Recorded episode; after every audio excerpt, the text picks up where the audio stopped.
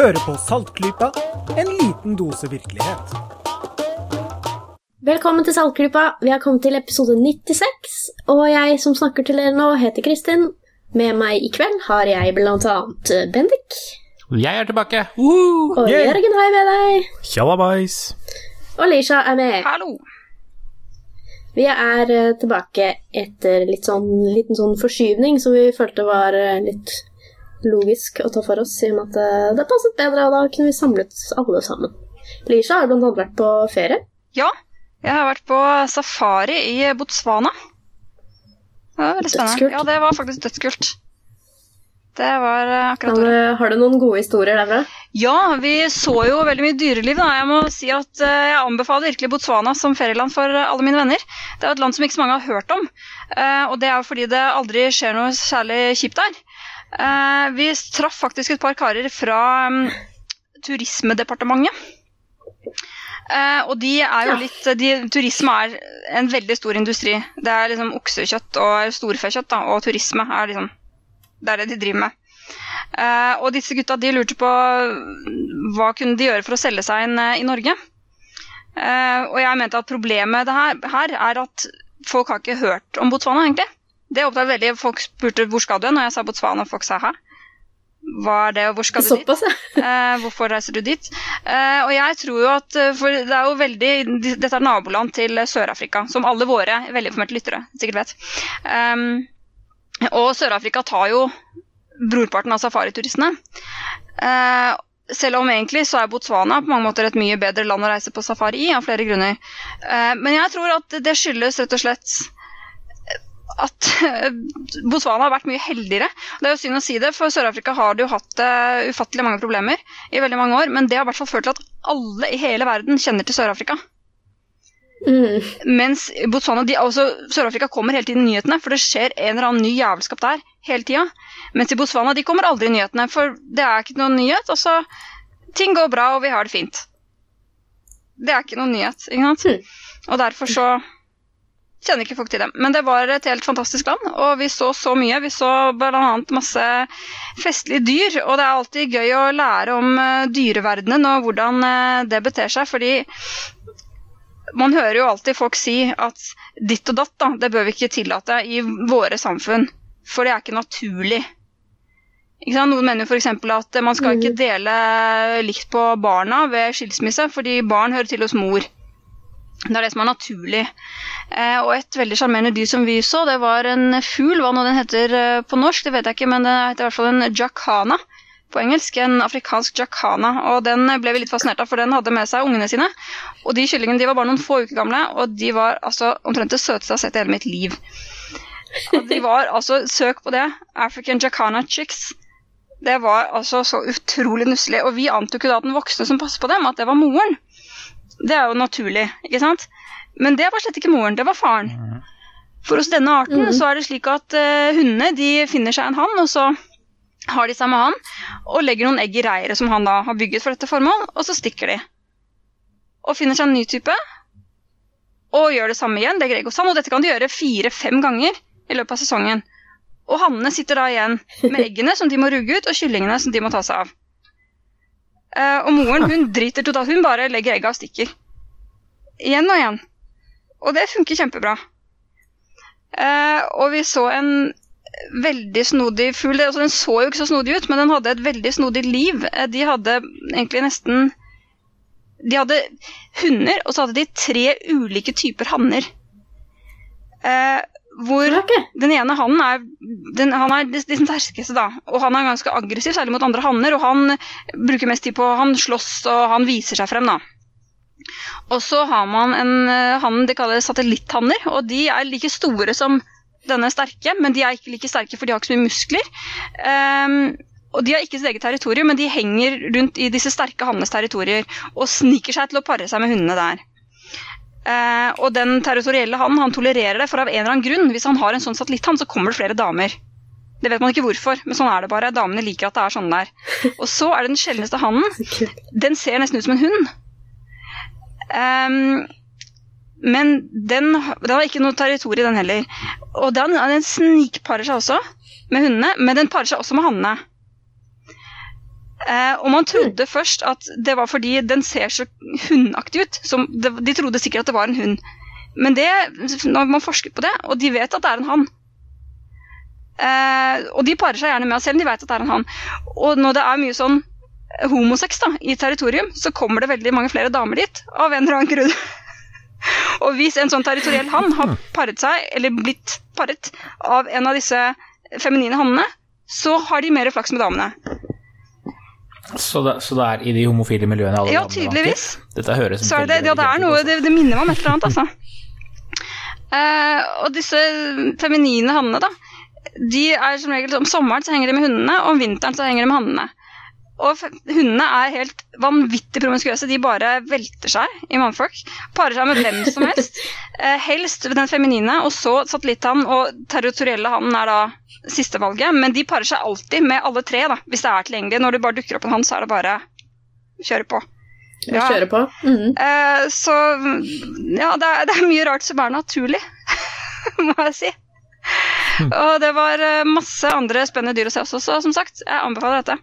Eh, og en spennende ting som vi gjorde, det var at vi besøkte en landsby i nærheten av en av disse campene vi bodde på. Eh, og der fikk vi bare fikk vi, vi fikk bare besøke klinikken, og vi fikk se skolen. For det var en lørdag, så den var stengt, barna hadde fri. Men vi fikk besøke klinikken og treffe sykepleieren. Det var ikke noen lege, den var litt for liten, den begynte å ha en lege. Så det kom en fra storbyen i nærheten en gang i uka, men de hadde sykepleier. Og der ble jeg truffet av mine egne fordommer. Uh, vi traff på en uh, bygningsarbeider på veien dit, som sjåføren toppet å prate litt med, og det var en kvinne. Og når vi kom til den klinikken, så var det en mann som hang rundt der, og jeg tenkte ikke så mye på det, men det viser at det var sykepleieren. Eh, Så man skal ikke Både kvinner og menn kan gjøre alle slags jobber. Så det skal man ikke la seg Mhm. blende av. Men i hvert fall når vi da fikk prate litt med han og sett litt på hvordan det var der, så måtte jeg jo spørre hvordan det hadde seg med vaksinering der i landet. Ah, Um, ja, det er jo ja, vi har snakket ganske mye om det, og her i landet så er det jo da folk som vi vet, som velger å ikke vaksinere barna fordi det er sunnere for dem å bli naturlig syke. Eh, Så jeg spurte denne karen da, hvordan eh, gjør de det med vaksinering da i Botswana. Jo, de har et eh, vaksineprogram for alle barn. Det er gratis, myndighetene betaler. Det går opp til barna er fem år. Og de begynner på skolen når de er fem år. Eh, Så det er sikkert derfor de har valgt øh, opp til den alderen. Og jeg lurte på øh, om alle vaksinerer barna sine. Og det virket å være litt dumt spørsmål. Det skjønte han, det virket som han ikke skjønte helt hva det er for spørsmål. For selvfølgelig så vaksinerer alle barna sine. Um, Fantastisk. og da lurte jeg jo på kom de til klinikken. Nei, det var ikke alle som kom til klinikken um, med dem. Men det var fordi folk bor på sånne øh, storfecamper ute i bushen. De har ikke mulighet til å komme inn, men da en gang i måneden så reiser de rundt eh, til steder da, sånne avsidesliggende hvor det bor barn, og da kommer folk dit og får vaksinert barna sine. Så selvfølgelig så vaksinerer alle barna. Det var eh, Det er det, det er gratis for alle, og alle gjør det. Selvfølgelig. Det var jo ikke noe å diskutere engang, tydeligvis. Det er det. det er det som er forskjellen når man føler den sykdommen på kroppen sånn hver eneste dag, hver eneste uke, som disse folkene ville gjort ellers. Hvis, uh, hvis de ikke vaksinerte. Ikke sant? Og man så jo, som sagt, da, det var en lege der én gang i uka. Så hvis noen skulle bli akutt syk, så er det jo da ikke bare å gå til legen, for den, eh, det var da i Maun eh, legen var, og det var jo ikke akkurat rett i nærheten. Vi fløy jo for å komme dit fra dette stedet, og det tok eh, Mhm. ja, en 40-45 minutter med fly. Der var liksom legen deres. Så det er klart, vi er veldig, bortsett er kanskje feil ord, men veldig godt vant til her at blir du syk, så er det alltid sin lege, og det løser seg alltid. Men eh, i andre land så er det ikke alltid det løser seg, og da tar man, som Bendik sier, selvfølgelig de forholdsreglene som er mulig å ta. Mm.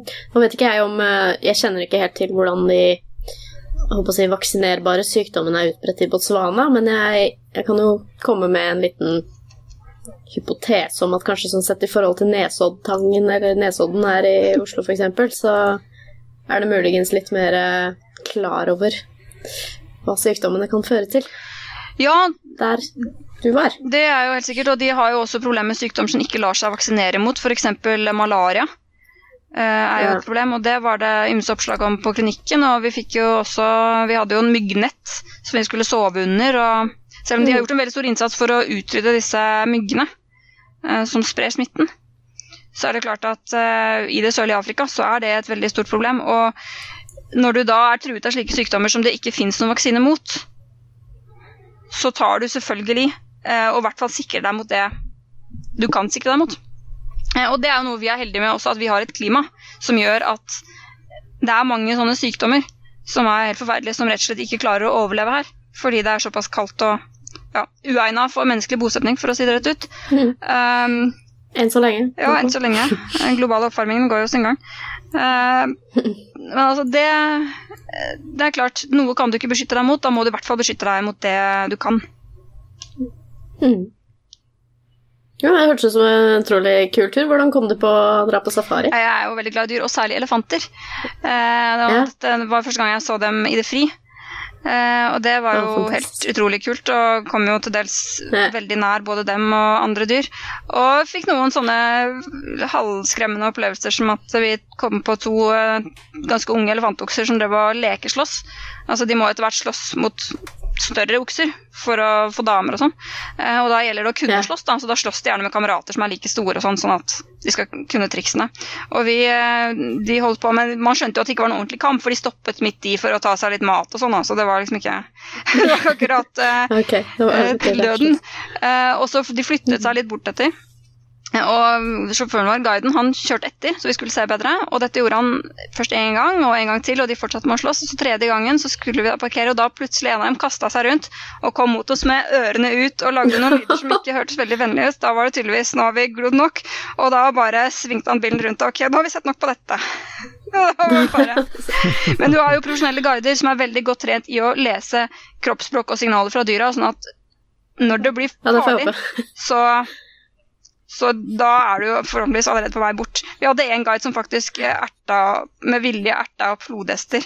Eh, og det er jo ikke trygt, men vi var i båt som had- kunne bevege seg fortere enn de kunne svømme, og han sa at de hadde ikke kalver med seg.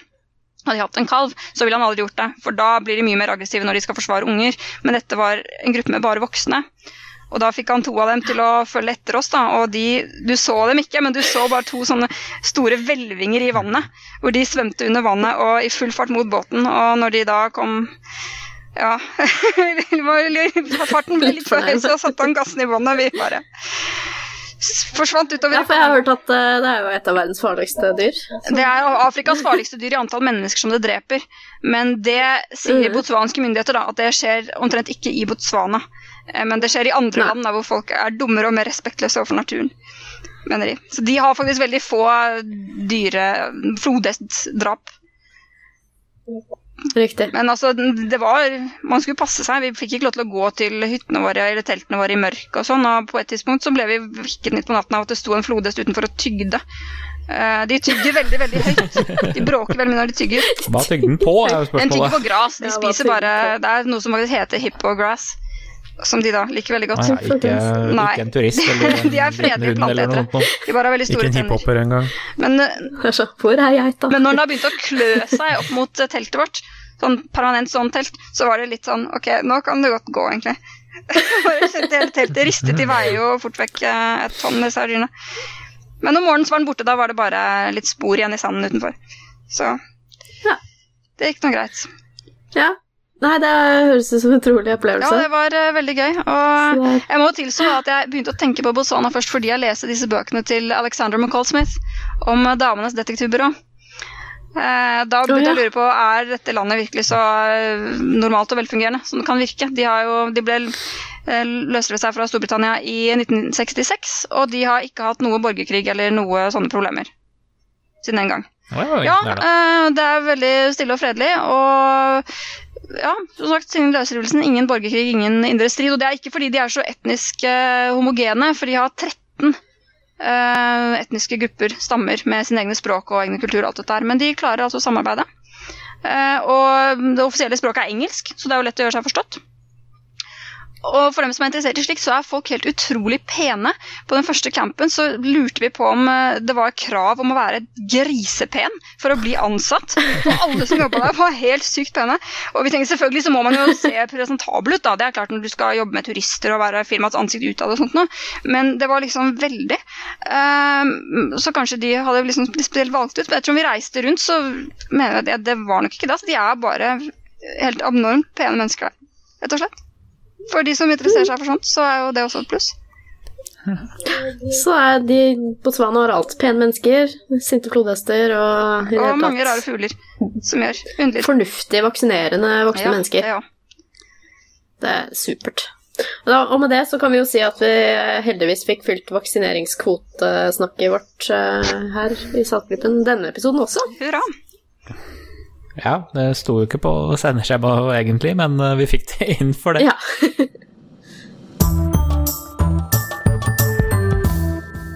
vi får vel ta noen nyhetssaker i dag. Eh, Lisha har snakket om rare dyr, og hva tenker dere sånn eh, rent sånn, sånn off the top of your head hvis jeg sier brontosaurus? Det Nå vet jeg hvilken nyhetssak du sikter til, men eh, eh, Kjempediger dinosaur som ble trukket tilbake og erstattet med apatosaurus. Trukket tilbake, hadde en produksjonsfeil. Ja. ja. Det var noen bein som ikke funka. Nei, dette er jo en, eh, en favoritt. dette er en sånn favoritt blant oss uh, myteknusere, da, ikke sant. At eh, når noen sier brontosaurus, så, så sier man at eh, nei, det er ikke noe som heter brontosaurus. Fordi at eh, den fikk eh, Den ble oppdaget i 1879, og den viste seg allerede i 1903, så sa de det at det, å nei, dette er vel et eksemplar av apatosaurus i stedet. Det var liksom lik, litt sånn lik de så på skjelettet og sånn, da. Bron Brontosaurus er jo så mye kulere navn, da. Det er dødskult, det betyr sånn tordenøgle eller et eller annet sånt. Ja, det er fantastisk bra navn. Ja. Og det som også var litt rart, da, er at eh, selv om den ble tilbakevist i 1903, eh, så satt jo det navnet seg ganske godt fast på folkemunne gjennom populærkulturen. Eh, Og sett på Flintstones driver jo med brontosauruser og King Kong-filmen fra 33. Og sånne ting gjorde det at den myten om det navnet besto. Men nå har altså studien kommet som snur alt på hodet, og som sier at brontosaurusen er tilbake som egen art. Og det er jo første jeg tenker da, bare det er litt sånn Er det det, da? Hva slags studie er dette, da? Ikke sant? Man er skeptiker, ikke sant? Men uh, før vi trekker den skeptikerlua helt uh, altfor tett nedover øynene, så er det jo verdt å legge merke til at uh, det er jo ikke en hvilken som helst studie som har kommet frem her. Det er en sånn ganske robust, svær eh, analyse på 300 sider. Og man har da intervjua andre paleontologer som ikke var med på studien, og de er jo veldig imponerte, det også. Eh, disse som har utført studien, har vært veldig nøye på dette her med reproduserbarhet, f.eks. Det er jo veldig viktig. Og gått veldig grundig til verks, da. Hvordan kan man reprodusere en Har du ikke sett Jurassic Park? Man kan Det er jo kjempelett. Bare litt kvae, og så boff. En frosk eller noe sånt, så er det gjort. Det Lisha sa. Nei, det, det de har sett på, jeg har sett på 477 forskjellige fysiske trekk hos 81 forskjellige eh, eksemplarer av eh, disse her eh, langhalsene, da, eller eh, mer spesifikt en familie av sauropoder kalt diplodosider. Diplodokider? Diplodokus. Diplodocus. Diplodocus, ja. Ja. Det er, Diplodocus er jo en av disse her, da, ikke sant, og Apatosaurus er en. The og- OG mener du at den er. Ja. The OD i dette tilfellet. Yes. Eh, så, og det er også da eh, altså, Det var det som var hensikten med studien, var også å studere den her familien litt nøye, nøyere i sømmene, og det var noe som kom frem da, etter at jeg hadde studert diverse museumskolleksjoner i USA og Europa. Og det er også først disse få, siste få årene bare at eh, det har blitt gjort ganske mange nye skjelettfunn. eh, fossilfunn, da som har gjort det mulig å gå mer grundig til verks og kart, kartlegge slektskapet mellom de forskjellige langhalsene.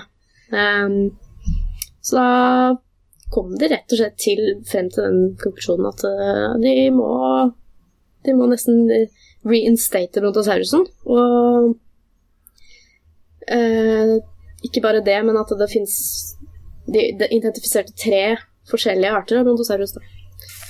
Oi. Så det er eh, Ja. Så det betyr jeg kan holde liv i min drøm om å spise en brontoburger. En bronteburger. Det, det hadde imponert meg stort hvis du hadde fått, fått til et uh, kjøttstykke fra 100 millioner år tilbake. Eller hvor hvor Ja, langt det var. altså Forskere er i ferd med å lage nye mammuter, så hvorfor ikke? Det er litt andre tidsperspektiver vi har når det gjelder mammuter, da. Ja, og Fordelen med mammuter er at vi har jo en eh, slektning eh, som kan eh, bære frem en mammutunge. Eh, det er jo det jeg tenker. Nå har jo jeg hørt i alle år og alltid at dinosaurer er fugler, så hvorfor ikke bare bruke en fugl? De har jo slektninger Eh, Det er noe med størrelsen, da. Eh, Afrikanske elefanter er fortsatt ganske store. til å føde en Men- Fuglene er liksom Ja, så har du Ja, sett en ja jeg har sett albatrossen på ganske nært hold, men når man ser på disse bildene de mener tegninger og sånn viser brontosaurus, så tror jeg Jeg ser et svakhet der, altså. Nå har jeg også sett struts eh, i det fri, og Det kan, kan hende bildet bare er tatt skikkelig nærme. for ikke å snakke om disse her eh, kassovarene i ja, ja, ja. De er ganske dino. De er skikkelig raptors. Ja, de er jeg ganske er creepy, egentlig. Uh, men eh, Men, men. Eh, vi får se. Dette, dette vil tiden vise. Vi får håpe vi lever lenge nok til å Ja. oppleve en brontobugger. Jeg bare syns det var litt moro at uh, de snakket jo også Det er et intervju blant annet i Scientific American uh, her, da, det har kommet frem. Og det er litt moro å lese at de forskerne som eh, ikke var med på studien, som, ble, som de snakket med, de understreker liksom det først og fremst at det er dritkult at arten er Ja. tilbake. Altså, de aldri helt likte at den ble degradert, da. Så, Så nå vet de hvordan Pluto føler seg. nei, Pluto er ikke en planet. Det passer rett og slett ikke i systemet. Og. Brontosaurus er ikke noen dinosaur. Nei, nei, nei. Det er Det er helt annen samme ting. Helt, helt, helt annen klasse. Det er klare definisjonen definisjoner her. Pluto er på størrelse med Brontosaurus, hvorfor ikke ta begge to? Det får vi se i, eh, til sommeren når New Horizons kommer frem. Nei, det, du har jo selvfølgelig også noen som er litt sånn forsiktig skeptiske, og det bør man selvfølgelig være, men eh, de har jo lagt til rette for at det skal komme ganske mange studier etter dette her, da, som spikker videre på dette. Men jeg ser at eh, Googles første side på treff for søk på Brontosaurus per nå, eh, innspillingsdato, den viser fremdeles eh, omtrent bare treff som sier at Brontosaurus er jo bare en myte. Eller av Wikipedia-artikkelen om Apatosaurus, f.eks. Bortsett fra det, siste treffet på førstesiden. Det er den eh, Scientific American-artikkelen som blir sluppet 7. april, som vi skal lenke til i, i eh, sendingsnotatene. Sånn er det. Men det regner også meitemarker, Jørgen.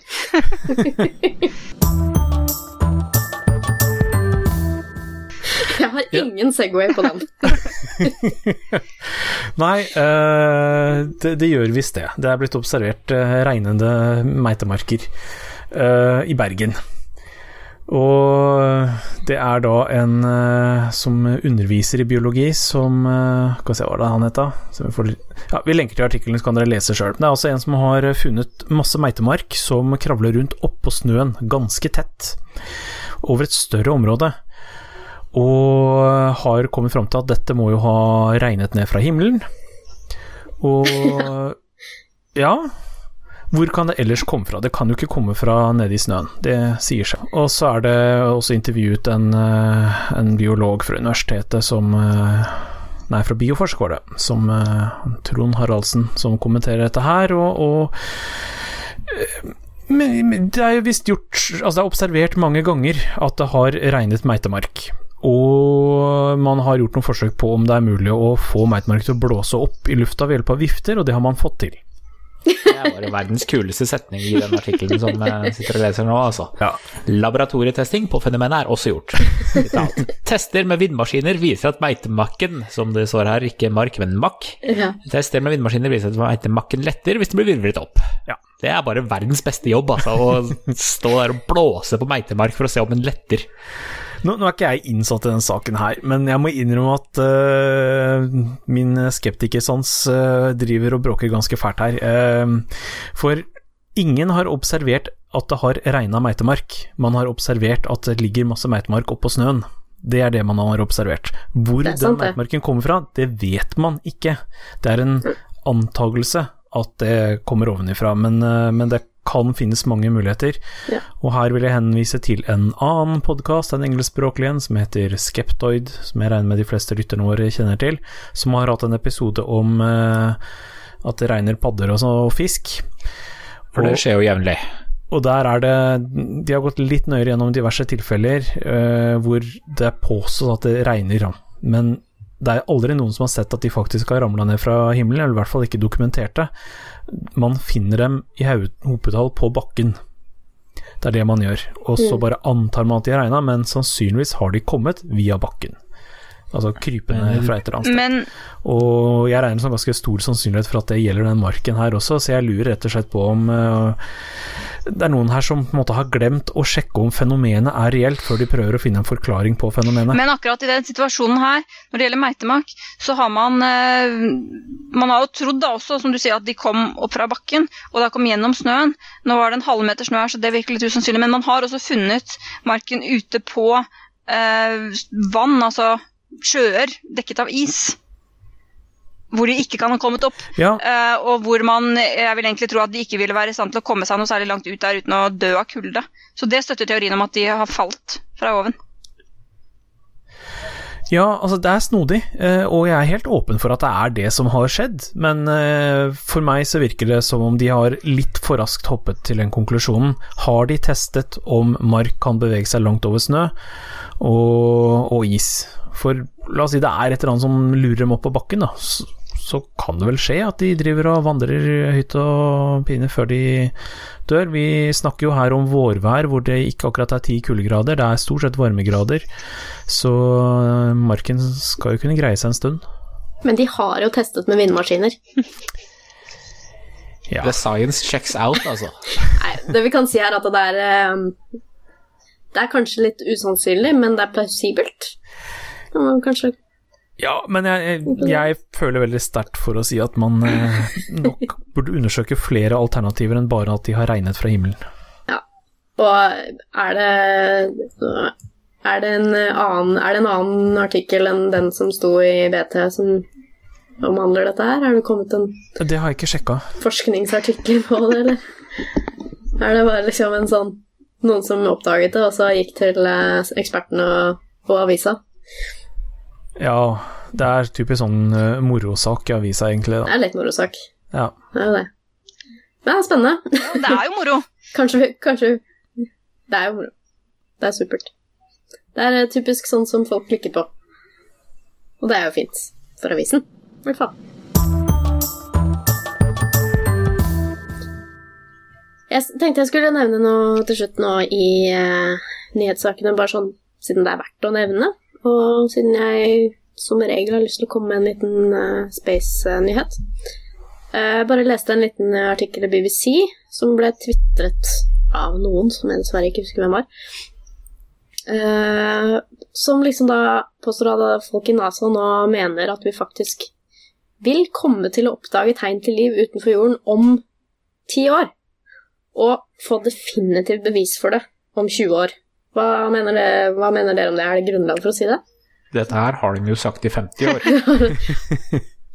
det her er jord utenomjordisk liv. Det har alltid vært like langt unna som kald fusjon og eh, Bedre batterier. atombomben til Iran. Hvis man skal gå politisk til verks. Nei, det var altså en eh, paneldiskusjon som ikke for lenge siden ble sendt på NASA-TV, hvor da chief scientist i NASA, sjefsforsker Chief Scientist. Chief det høres ikke ut som en tittel som eksisterer. Det, ifølge BBC, så, som riktignok har et veldig cheesy bilde av en uh, grey alien på, som artikkelbilde, men i hvert fall ifølge BBC så sier det at uh, det er NASA chief scientist Ellen Stofan som har uh, uttalt dette på den paneldebatten. Uh, og begrunnelsen for det som hun gir, da, er at uh, stadig mer kunnskap kommer om hvor vi skal se etter det, og hvordan. Eh, og snakker om liksom hvor, hvor utrolig mye flere steder vi ser, og teknologien vi har for å gjøre det, da. Ja, men vi har jo ikke noe særlig ja, Man kan jo ikke regne med fremtidsteknologi, men liksom vi, det vi faktisk leter etter liv med, er jo sonder og fysisk dra bort og bore etter ting. Ja. Vi har jo per i dag ikke noe særlig mulighet til å oppdage liv via eh, radioteleskop. Eh, det vi har, eh, i tillegg til de altså roverne og sondene som du Som vi har på to le- himmellegemer. Ja, og eh, Rundt, Mars rundt en håndfull til. Ja, Mars er jo den eneste av dem som faktisk har eh, roboter som ruller rundt. Mm. Eh, og vi har også en Mars rover som skal skyte av gårde i 2020, som også skal se på dette her med, med tidligere liv, da. Eh, jeg vet ikke om Mars er den beste, beste planeten å sjekke etter liv på, eh, fordi det er nok long gone, etter min mening. Men eh, ikke for det. altså Curiosity som ruller oppe der nå, har jo nettopp sett tydelige tegn på vann som faktisk er rett under overflaten nå, i form av veldig, veldig saltholdig brine, som det heter på godt norsk. Er det noe, hva, hva slags ord er det for brine på norsk? Brakkvann. Brakkvann. Ja, veldig som saltolje i hvert fall, da, sånn at det er, eh, ikke fordamper med en gang. Så det er liksom sånn Man ser liv i helt syke tilstander her på jorda, liksom, så hvorfor ikke? Men det som er viktig å huske på, da, når de sier at de kommer til å finne liv, så mener de jo liksom eh, alger, altså bakterier, Helt den type liv. De mener jo ikke, som BBC tåpelig nok illustrerte sin artikkel med, en eh, skapning som Ja. vi kan spille sjakk med, liksom. Uh, Mm. Men ikke sant, fordi, fordi det er jo det vel, Hadde det vært det å oppdage de, de er det jo i hvert fall teoretisk mulig å oppdage via et radioteleskop. Fordi Ja, hvis de det var kan noen, ha en eh, sivilisasjon som sender ut radiosignaler. Ja, eller også har jeg også hørt at en måte å som er egentlig ganske logisk, på å eh, detektere liv rundt andre planeter ved hjelp av eh, å se på atmosfæren da, med hjelp av radioteleskop osv., eh, det er også å se etter tegn på forurensning i atmosfæren. Ja. Som på visse typer forurensning er veldig sånn typisk sivilisasjonsskapte, da. Ja, men det er jo ikke bankers, eller den er ikke 100% pålitelig, den. Mens hvis vi sender en sonde bort og graver og den finner mikrober, så er jo den 100% Den er ganske 100 ja. Så, så den Det er jo liksom den mest pålitelige måten, men det er også den treigeste måten. Så den beste måten er den dårligste måten. Jeg tror det som er eh, hovedargumentet til eh, denne chief scientist i NASA, er vel nok det at eh, vi bare får mer og mer teknologi da vi kommer stadig nærmere. Det er en sånn der asymptotisk prosess mot eh, Og vi ser bare at det er muligheter flere og flere og flere og flere steder. Men det er jo én viktig forutsetning for at vi skal kunne finne dette livet, og det er at det livet faktisk er der.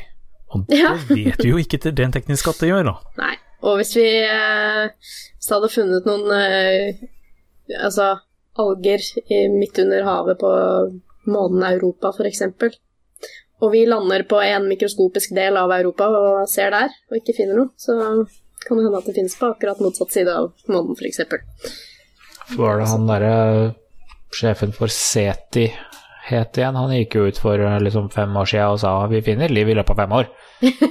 Og Ja. vi, vi hører dette her veldig jevnlig. At uh, nå er vi så nærme ved å finne liv. Mm. Jeg tror jeg venter til de har noe, jeg.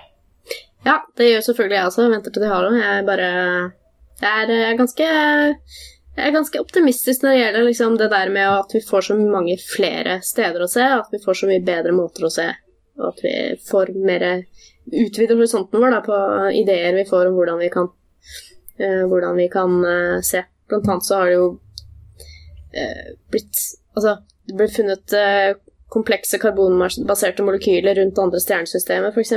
Uh, noe vi ikke har eh, definitivt uh, fått konkludert ennå. De er da tilsvarende blitt um, oppdaget rundt der som Kuiperbeltet.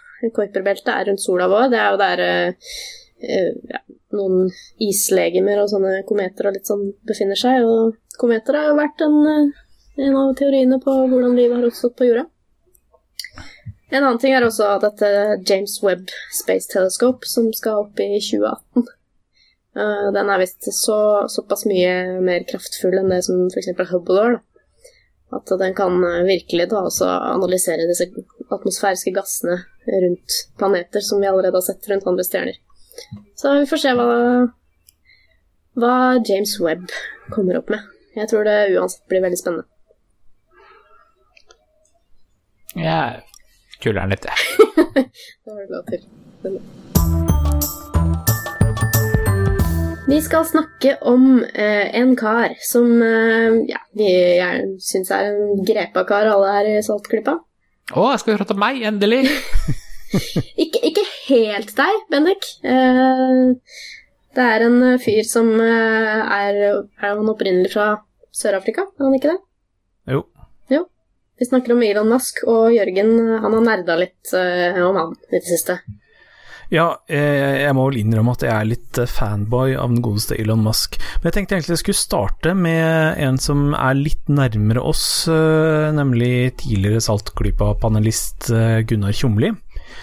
Han klarte jo å gjøre påska interessant ved å Ja. provosere grundig om bruk av palmeolje og sertifiseringer, og hvor kontraproduktivt det er å boikotte selskaper som eh, har palmeolje i eh, produktene sine. Her spesifikt Freia, etter en episode altså, Jeg tror de fleste har fått med seg noe av dette her. Jeg har ikke egentlig Ikke tenkt å gå i detaljene. Uh, men Jeg har ikke fått med det. Vennligst for gi meg en ett minutts oppsummering. Uh, ok Um, Jeg har fått med at det var mye oppstyr, men jeg gadd ikke lese en eneste av de artiklene. Nei, altså det startet med at uh, rosablogger Sofie Elise hadde oppdaget at det var palmeolje i disse her uh, påskeeggene fra Freia. De som Er det en god ting eller en dårlig ting? Hva sa du? Er det en god ting eller en dårlig ting? Ifølge Sofie Elise så var det en veldig dårlig ting. Ja, altså det Hvorfor er er en dårlig ting? eh, miljøproblemer med palmeolje. Det er det. er- Ok. Eh, Et veldig voksende marked, og det er masse regnskog rundt omkring i verden som eh, brennes ned for å dyrke opp palmeoljeplanter. Og da- palmeoljepalmer. Da, Ja, palme, palmer. men da planter vi jo masse nye trær, da, jo. Nei, det gjør vi ikke. Ja, men det blir jo da en monokultur. Eh, mm. Det er jo et problem. Altså, vi vil jo bevare mest mulig regnskog. Eh, Og dessuten, jeg kan bare skyte det er inn, Jørgen kan bare skyte inn, det er ikke sånn at vi planter en masse trær. Hvis man ser på luftfoto fra Indonesia, hvor dette er det største problemet, eh, de har enorme palmeoljeplantasjer, så er det ikke sånn at der det var jungel for 50-60 år siden, så er det nå palmeoljeplantasjer. Eh, Der er det like gjerne bare en brun ørken. Som, hvor dyr ikke kan leve, og som de ikke klarer å krysse. Så Ok, så palmeolje er er bad for, bad for miljøet. Ja, men så er det det som er bra med palmeolje, for det er ikke bare negativt. Det er jo at eh, det er veldig arealeffektivt. Du, hvis du sammenligner med f.eks. produksjon av soyaolje eller eh, rapsolje, så krever det mye større arealer for å produsere den samme oljen. Og det gjør palmeoljen til et veldig attraktivt produkt, for uh, du kan produsere mye på liten plass og ha stor fortjeneste. Så det er i særlig fattige land så er det veldig lønnsomt å produsere det. Hvilket er noe av problemet, for da tar de av regnskogen osv. Eh, Men samtidig, hvis du ser noe av det som er argumentet til Gunnar Tjomli, er at uh, vi har en voksende verdensbefolkning. Vi må fø dem. Det må produseres uh, mer uh, olje, annet. Og da vil palmeolje være en bit av løsningen for å fø verden. Og han mener at en boikott av eh, Freia er en dårlig ting, fordi de eierne av Freia tross alt er med i en merkeordning for å prøve å gjøre palmeoljen eh, mer etisk, osv. Så, videre. så det har vært en kjempekrangel om dette her, og, og gudene veit folk går i tottene på hverandre, og det er fryktelig mye følelser inne i bildet, som det veldig ofte er når det er snakk om miljøvernsaker. Eh, vi kan lenke til eh, en av eh, artiklene til Gunnar, så kan folk bare følge lenkene derfra. Men det som er litt interessant, da, er at her står man overfor eh, folk som ønsker å oppnå noe, miljøvernere, eh, eller bare folk som er litt opptatt av miljøet, som Sofie Elise, som prøver å få til noe. Og så har du Gunnar som prøver, er, han er kald og analytisk og prøver å finne liksom den beste løsningen. Men så har du at du har den virkelige verden, hvor det er politikk som styrer. Og da vil jeg gjerne lenke til en uh, Dagblad-artikkel, uh, en kronikk, uh, med tittelen 'Miljøbevegelsen vinner, klimaet taper'. Eh, som tar opp litt Det er flere artikler også som har vært skrevet om dette her, som er ganske interessante. Og det Jeg syns det er en interessant situasjon hvor man som eh, skeptiker kanskje kommer til kort. Altså Jeg er helt enig med det aller meste av det Gunnar skriver om hvordan det er bedre å dra fram de firmaene som faktisk prøver å gjøre noe bra med palmeoljeindustrien. Men så ser man også at rent politisk så er det de store aksjonene som skaper overskrifter, som faktisk får store firmaer til å si at vi må gjøre noe. For nå går salget vårt nedover pga. dårlige overskrifter i avisene. Så ja, det er det vanskelige. Vi ønsker en bedre verden. Hvordan oppnå det? Er det med å analysere ting bra og liksom gjøre det beste ut av det, eller er det å ha disse her store kampanjene som kanskje egentlig tråkker grundig i salaten, men likevel får ting gjort på sikt? Og kanskje de som gjør det fortest mulig. Og her er det jeg trekker parallell til Elon Musk. Yes.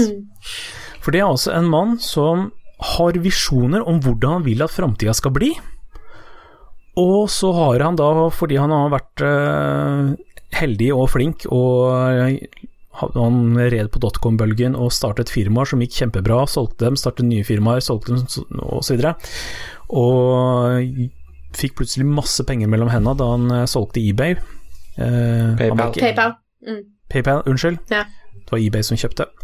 Ja. Eh, og har investert videre, og er jo nå altså Ja, han, han styrer så mye bra. Han har jo starta opp SpaceX, som da er en kommersiell romfartsaktør, som bare fant ut vi skal til Mars. Men som delmål så må vi bli en aktør i markedet som kan selge tjenester til de som trenger romfartstjenester, f.eks. NASA. Og så har de starta fra scratch, bygget raketter, og nå har de jo en avtale med NASA, og har nå nettopp levert sin sjette last til den internasjonale romstasjonen. Mm -hmm. Og har i dag hatt en nesten vellykket uh, landing av rakett. Altså det som vanligvis er en rakett som lander i havet etterpå og bare blir borte. Å få den til faktisk lande Gå ned med rumpa først og pent og pyntelig lande med rakettmotor. Det er liksom sånn du bare ser for deg i dårlig science fiction. De har nesten fått det til. Eh, og har ikke regna med at det egentlig skulle gå ennå heller, så de er jo i fyr og flamme. Så jeg det... hørte så vidt den Jeg har ikke lest den, den, der, men jeg hørte at den vanna litt hardt. Det var det eneste jeg fikk med meg. ja, altså forrige gangen så landa han for hardt, og da eksploderte den på den her plattformen ja. ute i havet. Eh, den som var i dag, den Jeg vet ikke om den eksploderte, men den kom litt skeivt inn og, og velta av noe greier, men det var veldig bra fram til det siste. Det gikk nesten helt i dag. Så det er jo noe kult. Så har han jo vært med å starte opp det fantastiske bilfirmaet Tesla, Tesla Motors. Jeg må bare si jeg ønsker meg fryktelig en Tesla, men Vi starter en kickstarter-funding til alle Saltklypa-lyttere straks. Det er bare å sende en e-post til post at Saltklypa, men så skal vi videre kontoen. ja, nei, men dropp det. Men poenget er han ser jo at verden må vekk fra fossilt brensel. Dermed bør bilene over på noe som ikke bruker fossilt brensel, og elektrisitet eh, virker jo naturlig å satse på, så de lager altså elektriske biler. Og det som har vært problem før Tesla kom på banen, er at elektriske biler stort sett har vært mindre enn vanlige biler, styggere enn vanlige biler, kan kjøre mye kortere og mye treigere. Ja, det er, det er, liksom det jeg har uh, Før Tesla så forvant jeg aldri elbiler med noe sånt de, de, var alltid litt sånn satt til side ja. sammenlignet med de andre. De var liksom de små, rare kroppene. Og folk er jo redd for at de uh, ikke har noe sted å lade bilen sin osv., så, videre, så det er ikke en infrastruktur for elektriske biler. Og da tenkte Elon Musk og sikkert en haug med rådgivere og sånn at ja, men da satser vi på å bare lage en elektrisk bil som er så bra at folk vil ha den uansett. Og dermed så kommer infrastrukturen med på kjøpet. Og dette her er egentlig en sånn grunntanke for alle som eh, tenker litt godt om dette med hvordan skape teknologi for framtida. Det er ikke at du skal erstatte noe som fungerer bra i dag, med noe som fungerer nesten like bra, og håpe på godviljen til folk for at de skal eh, skaffe seg det. Du må lage noe som fungerer bedre, med mindre utslipp, for mindre penger og mindre ressurser. Det skal være bedre på alt. Og det er jo det Tesla gjør, da. Mm. Uh, så nå har jo altså uh, Modell S Det er jo liksom den store bilen som virkelig har tatt av. Den, uh, den som jeg ser overalt. Den selger overalt, den spesi selger spesielt godt i Norge fordi vi har eh, veldig gode insentivordninger. Selv eh, mot øst eh, i Oslo, der jeg bor, ser jeg masse Teslaer. Ja, Så- det er eh, tjukt av dem akkurat rundt der jeg bor også. Det har jo litt Ja. å gjøre med at det er en del ladestasjoner, så de kommer hit for å lade, tror jeg. Ehm, så kjempekult. Dette er på Mm. gang. Det kommer ikke en ny modell nå snart også, Det, som er ganske mye billigere. Uh, ja, ikke snart. Eh, Så det Ja. som kommer eh, neste år eller noe sånt nå, er en SUV, modell X, Mhm. eh, som altså skal være, igjen, alt skal bli bedre. Så det skal altså være Mm. en SUV som har bedre plass inni enn SUV-er flest. Den skal være mer praktisk enn en stasjonsvogn, og den skal akselerere raskere enn en Porsche 911. Ja. Ja, Med langt langt mindre lyd enn det jeg regner med Ja. er vanlig for Porscher. Og så skal det komme, de har nettopp annonsert at det skal komme en eh, mer eh, familievennlig bil. Eh, når den kommer, er jeg ikke sikker på. Men så mens det jeg hørte en podkastepisode av podkasten Startalk med Neil Tyson og co. Som, hvor de intervjuet Elon Musk, og der nevnte de at det skulle komme en modell som var litt sånn familie... Litt sånn Nissan Leaf-aktig, på en måte. Uh, og den var noe sånt som en tredjedel av prisen, en sånn modell S, tror jeg. Ja, jeg tror den skal komme på ganske vanlig bilpris, rett og slett. Ja. Så det er helt konge. Ja. For øvrig anbefaler jeg den podkasten. Det er en ordentlig nerdgasm-episode med Oh, yeah. Neil Tyson og Elon Musk og um, Og Bill Nye. Bill Nye. Det er, Hver gang Nye er med, så er jeg så glad. For han er så ekstremt corny. han er det. Eh, og skarp. ja. uh, jo, men altså, eh, Tesla-bilene har jo fått en del kritikk også. Delvis er jo det at produksjonen ikke er miljøvennlig. Mm, det har jeg hørt noe om. Tesla må kjøpe opp fra masse batteriprodusenter, som ikke akkurat nødvendigvis har en spesielt miljøvennlig produksjon. Så hva gjør de da når de ser at salget går bra? Jo, de bygger en ny megafabrikk som skal eh, drives av solceller og være miljøvennlig.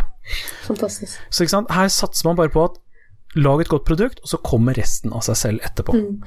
Eh, noe annet som Elon Musk har vært med å starte opp, er et eh, solcellefirma som heter eh, Solar City.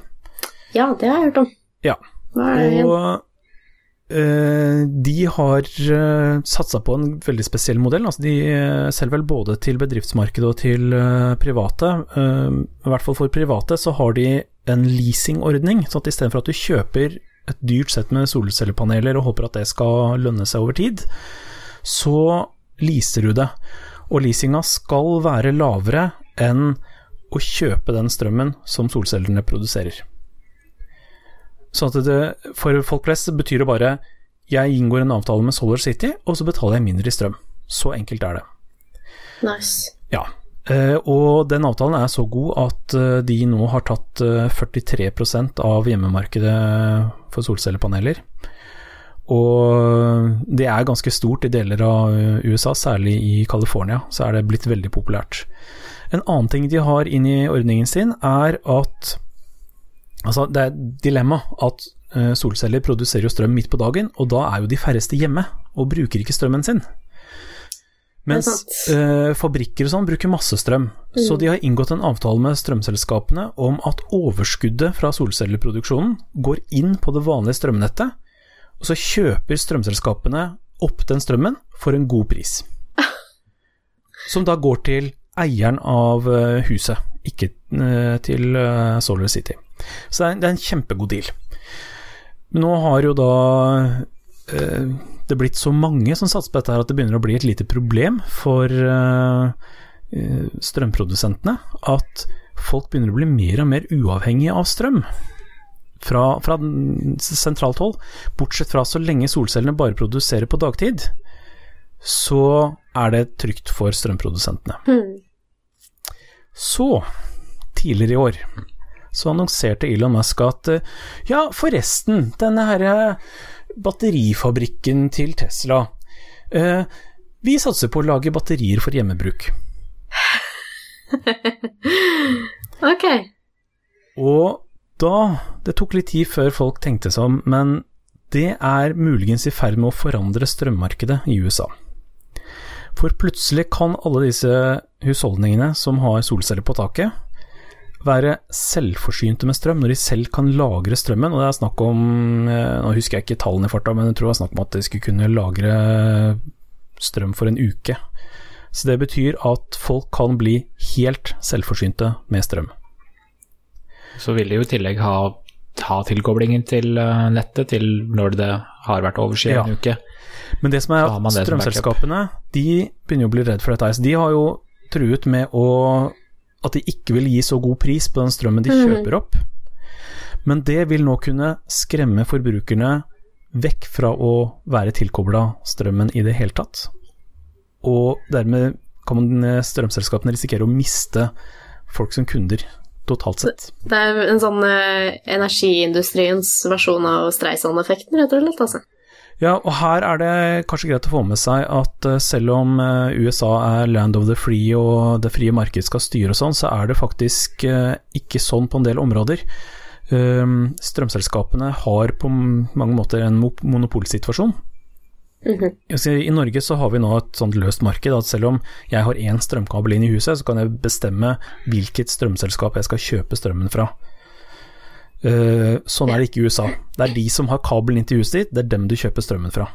Aha, De ender opp i en monopolsituasjon. Hmm.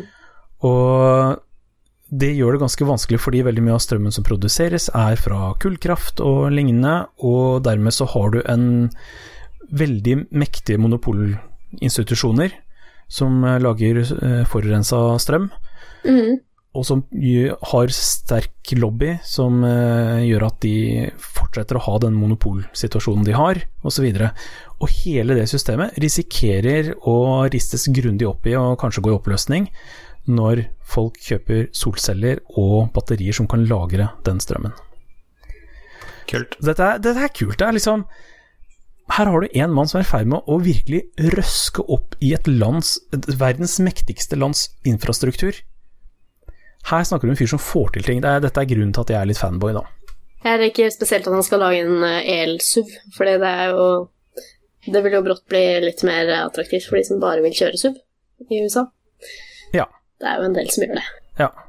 Ellers så, Noe av grunnen til at jeg ville snakke om dette akkurat nå, er at uh, Elon Musk har eh, annonsert at eh, 30. april så skal Tesla annonsere noe nytt.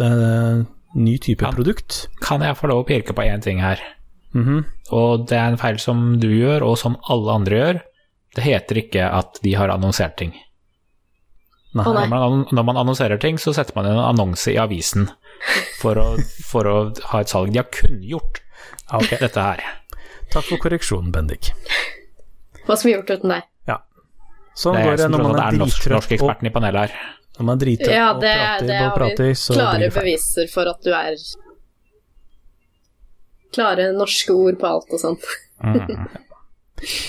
Yes. Nei, men uh, i hvert fall 30. april så har de Tesla annonsert at de produserer Kunne gjort. Ja, må si- Eh, ja. De har offentliggjort. Det funker også. Det er ikke lett å være småbarnsforelder og lide av søvnmangel. Nok om det. 30. april. Så kommer altså Tesla til å annonsere et helt nytt produkt Nei. som ikke er en bil. Det kan hende det er dette hjemmebatteriet. Det kan hende de annonserer det, det er også sant. Det kan hende de setter inn en annonse i avisa. Ja, jeg tror faktisk de kommer til å gjøre det. Ja. Ja, vi sier det sånn. Mm. Uh, uansett om det er dette batteriet, eller om det er noe helt annet, så er dette i hvert fall eh, noe jeg ønsker å få med meg. Så Musk-event, så er det liksom det nye Apple-events, kanskje? Ja, det, det må jeg si da jeg har sett én presentasjon han har gjort. Han er ikke en uh, spesielt god sånn uh, presentør, tilsvarende det Steve Jobs får. Um, men det han har å formidle, det overgår mye. Skal vi holde en eh, livestream eller noe, sånt noe på det, eller mens eh, det pågår, så sitter vi og kommenterer og Det hadde jo vært moro. Så det var i hvert fall min lille rant her om at uh, Eller ikke rant. Uh, jeg, bare, jeg liker at folk får til noe for å gjøre verden bedre. Og det er faktisk mulig for enkeltpersoner å få det til. Ja, Så eh, så fremt jeg er milliardærer, da. Ja, men han, var jo ikke, han har jo hatt som mål å redde verden eh, helt fra han ikke var millionær eller milliardær i det hele tatt. Nei, han har hatt et mål hele veien. Og Ja. det, det er selvfølgelig en god del flaks og sånn at han faktisk har tjent så mye penger at han kom til posisjon til å gjøre noe med det. Det skal man ikke komme utenom. Nei, det er ikke Man må ha litt kan- flaks, og man må ha litt ekstra gode, unike ideer. Det er klart, det. Ja. Eh, Nei, men eh, vi skal ikke nekte noen det. Jeg syns han er kjempekul selv. Mm. Så da følger vi med på den 30. april, altså. Hvem vet hva som kommer til å dukke opp? Ikke vi.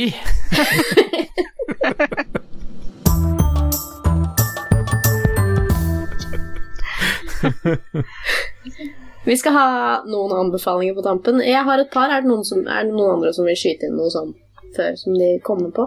Anbefaling? Vi, vi, vi nevnte jo 30. april-eventen og Star Talk eh, Radio og så videre. Er mer som dere vet skjer? Nei, kjør på det du har, du. Ja. Fikk en invitasjon eh, på Facebooken min eh, forleden om eh, pub, eller ikke pub, det skulle være på en restaurant.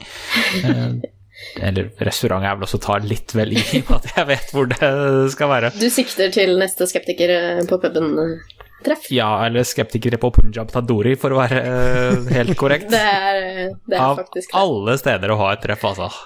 Det var, kan jeg røpe at det var Marits forslag. Eh, De har uh, veldig greie ordninger med at dette er en fredag.